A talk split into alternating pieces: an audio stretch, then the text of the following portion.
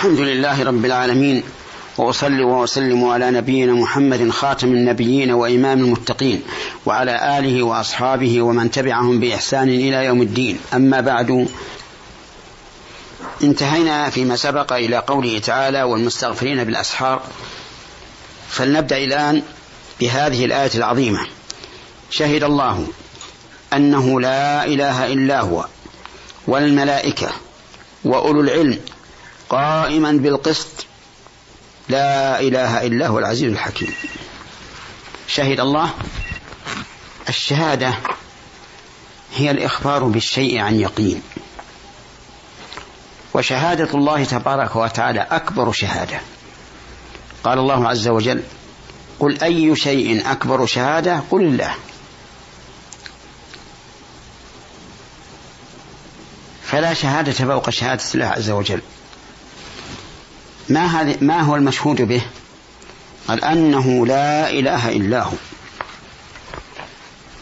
فما أعظم الشاهد وما أعظم الشهادة وما أعظم المشهود به.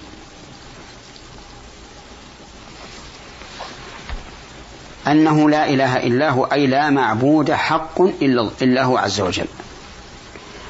فكل المعبودات من دونه فهي باطلة. قال الله تعالى ذلك بأن الله هو الحق وأن ما يدعون من دونه هو الباطل. فمن دعا ملكا من الملائكة أو رسولا من الرسل أو نبيا من الأنبياء أو صديقا من الصديقين أو شهيدا من الشهداء أو وليا من الأولياء أو صالحا من الصلحاء فقد أشرك بالله. لأنه جعل مع الله إلها آخر. وتعلق بباطل لا ينفعه. قال الله تعالى قل ادعوا الذين زعمتم من دون الله لا يملكون مثقال ذرة في السماوات ولا في الأرض وما لهم فيهما من شرك وما له منهم من ظهير ولا تنفع الشفاعة عنده إلا لمن أذن له. وقال عز وجل ومن أضل ممن يدعو من دون الله من لا يستجيب له إلى يوم القيامة. وهم عن دعائهم غافلون. وإذا حشر الناس كانوا لهم أعداء. كما قال عز وجل إذ تبرأ الذين اتبعوا من الذين اتبعوا ورأوا العذاب. فمن ذهب إلى قبر شخص. وقال يا سيدي يا مولاي إن زوجتي لا تنجب. فاجعلها تنجب. فقد كفر وأشرك. وتعلق بما لا ينفعه. وما ذهب إلى قبر أحد.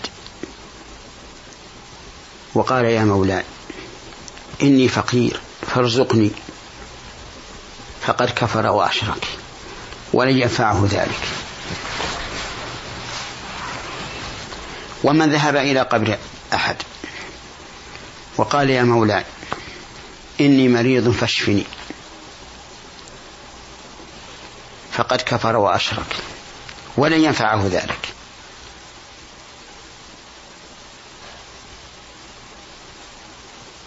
ومن سجد لصنم أو ركع لصنم فقد أشرك وكفر. ولن ينفعه ذلك. كل من صرف شيئا من العبادة لغير الله أو دعا غير الله فيما لا يقدر عليه إلا الله فإنه مشرك كافر.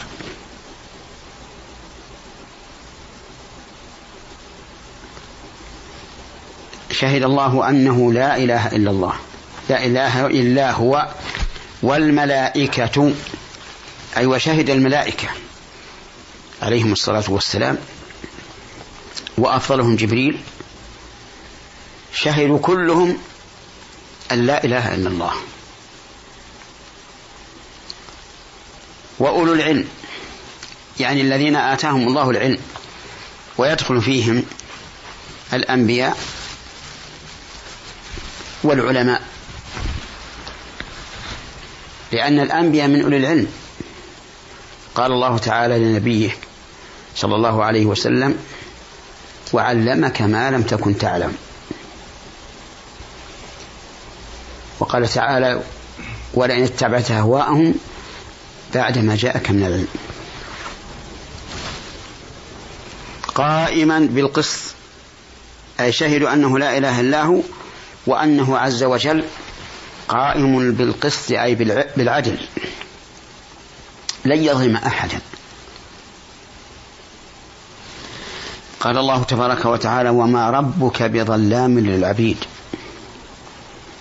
وقال عز وجل ومن يعمل من الصالحات وهو مؤمن فلا يخاف ظلما ولا هضما.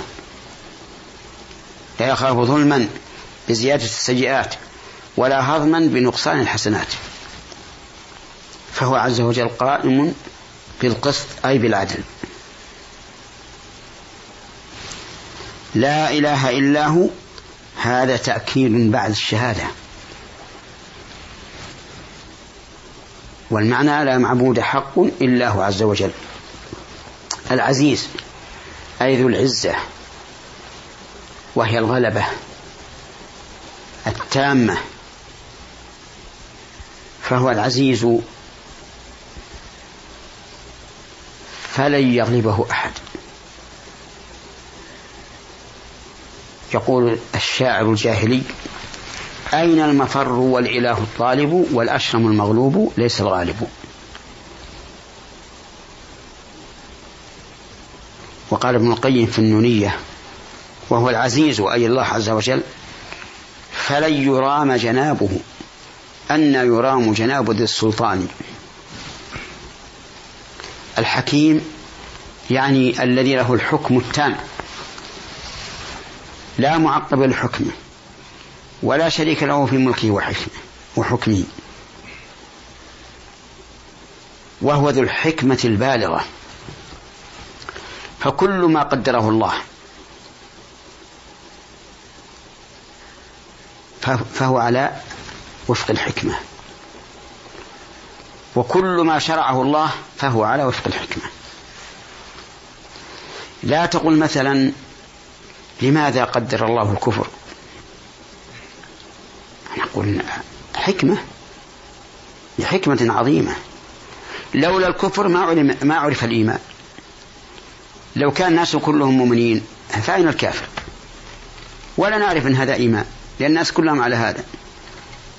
ولولا الكفر ما قام علم الجهاد. ولولا الكفر ما حصل الابتلاء ولولا الكفر لكان خلق جهنم عبثا. وهلم جرم؟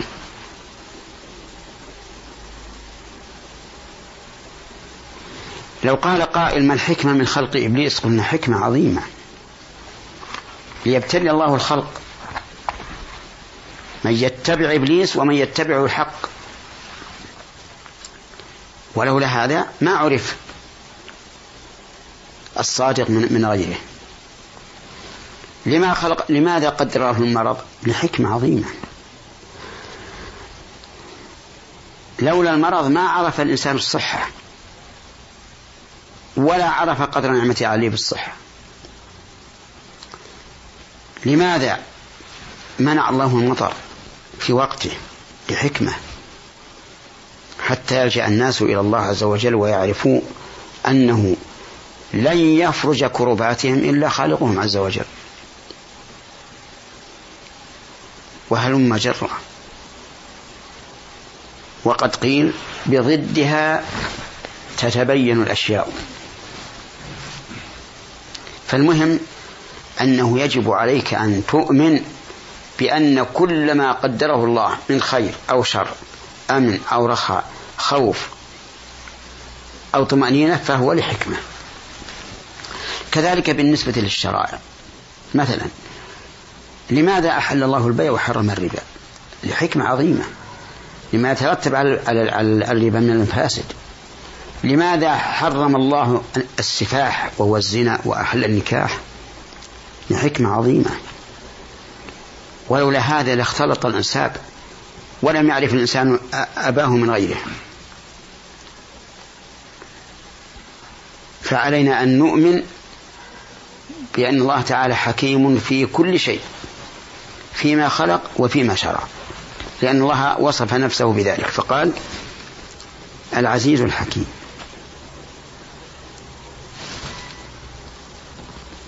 وفي الجمع بين العزة والحكمة فائدة وهو أن حكم الله أن حكم الله عز وجل كان عن عزة وقدرة وسلطان. وأن عزة الله مقرونة بالحكمة. بخلاف عزة غيره فقد يكون الإنسان إذا عز وغلب متصرفا تصرفا غير مناسب. يغره تغره الغلبة فيتصرف تصرفا أحمق. أما الله عز وجل فعزته مقرونة بالحكمة ولهذا يقرن الله تعالى كثيرا بين هذين الاسمين الكريمين وهو العزيز الحكيم. وإلى هنا ينتهي تنتهي هذه الحلقة فإلى حلقة قادمة والسلام عليكم ورحمة الله وبركاته.